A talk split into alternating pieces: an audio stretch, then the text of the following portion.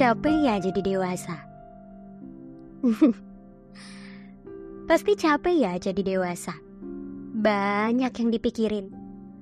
Mulai banyak tanggung jawab yang dipegang. Mulai menghabiskan waktu seorang diri karena teman-teman mulai pergi mengejar impiannya masing-masing. Dan berbagai tuntutan dan standar sosial yang mengejar-ngejar kita karena usia yang semakin bertambah. Dulu, sewaktu kecil ingin cepat-cepat dewasa. Eh, sekarang ketika udah dewasa ingin balik lagi jadi anak-anak. Karena ternyata kehidupan orang dewasa gak semenarik dan gak semenyenangkan imajinasi bayangan kita waktu kecil. Ya gak sih? Hmm, ternyata lebih banyak luka dan duka daripada tawa dan suka. Ternyata lebih banyak mendung dan badai daripada mentari dan pelangi. Tapi, memang begitulah siklus hidup. Semakin bertambah kapasitas diri, maka semakin bertambah pula tanggung jawab yang diamanahkan kepada kita. Sewaktu kecil semua hal adalah permainan yang menyenangkan karena kapasitas diri kita pun masih belum cukup untuk dibebankan berbagai tanggung jawab. Maka menjadi wajar ketika kita udah menginjak usia-usia dewasa, telah memasuki masa-masa quarter life, kita diamanahkan berbagai tanggung jawab yang rasanya sangat melelahkan. Bukan beban ya, tapi amanah.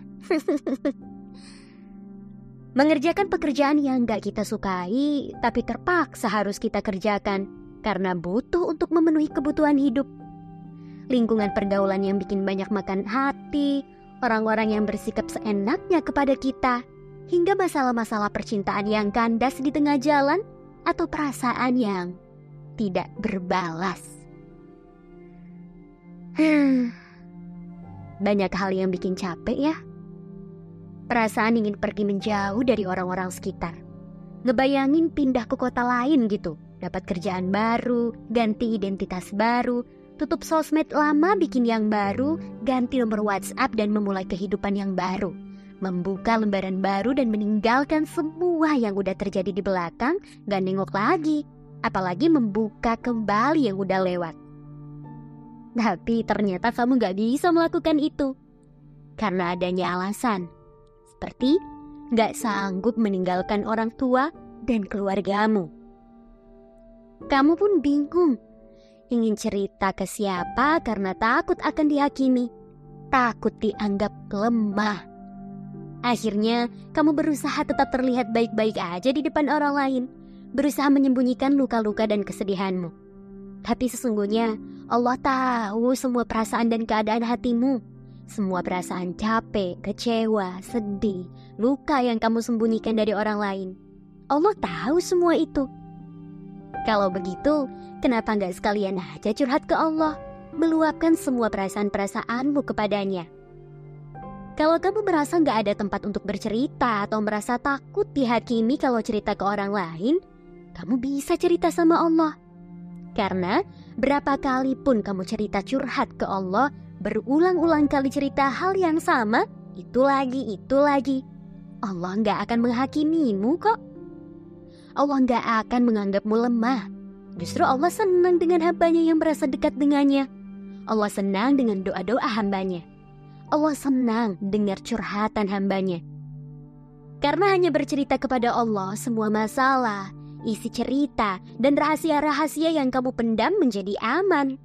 Kalau curhat ke teman, nggak menutup kemungkinan temanmu juga cerita permasalahanmu atau rahasia-rahasiamu ke temannya yang lain.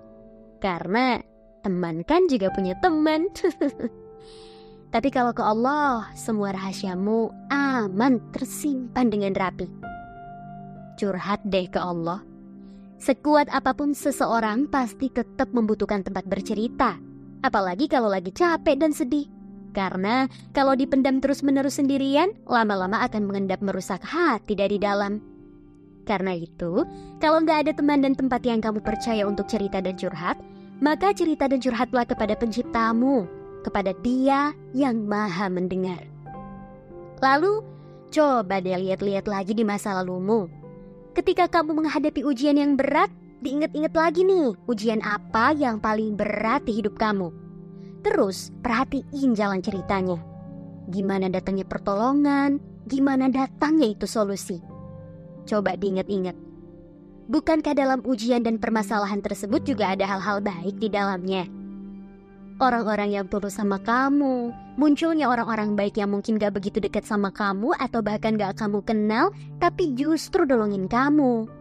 Munculnya jalan keluar secara tiba-tiba ketika udah kepepet. Coba deh perhatiin lagi jalan ceritanya.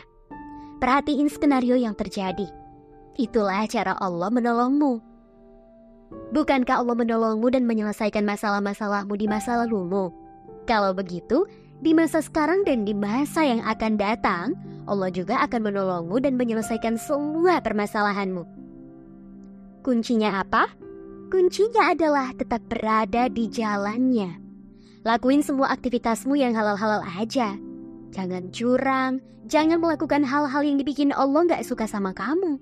Jangan menghalalkan segala cara untuk mencapai tujuanmu, tapi mengacarakan, mencarakan semua yang halal untuk mencapai tujuanmu. Pokoknya, yang halal-halal aja. Insya Allah, kalau kamu konsisten melakukan yang halal-halal, pasti akan ada jalan keluar dari setiap masalahmu.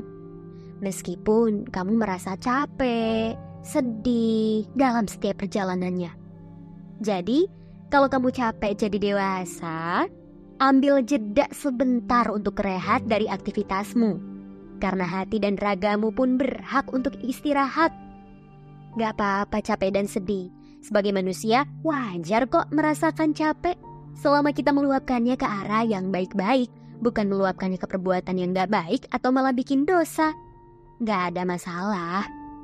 Dan selama gak bikin Allah marah, gak apa-apa ngerasa capek dan sedih. Itu ajar kok.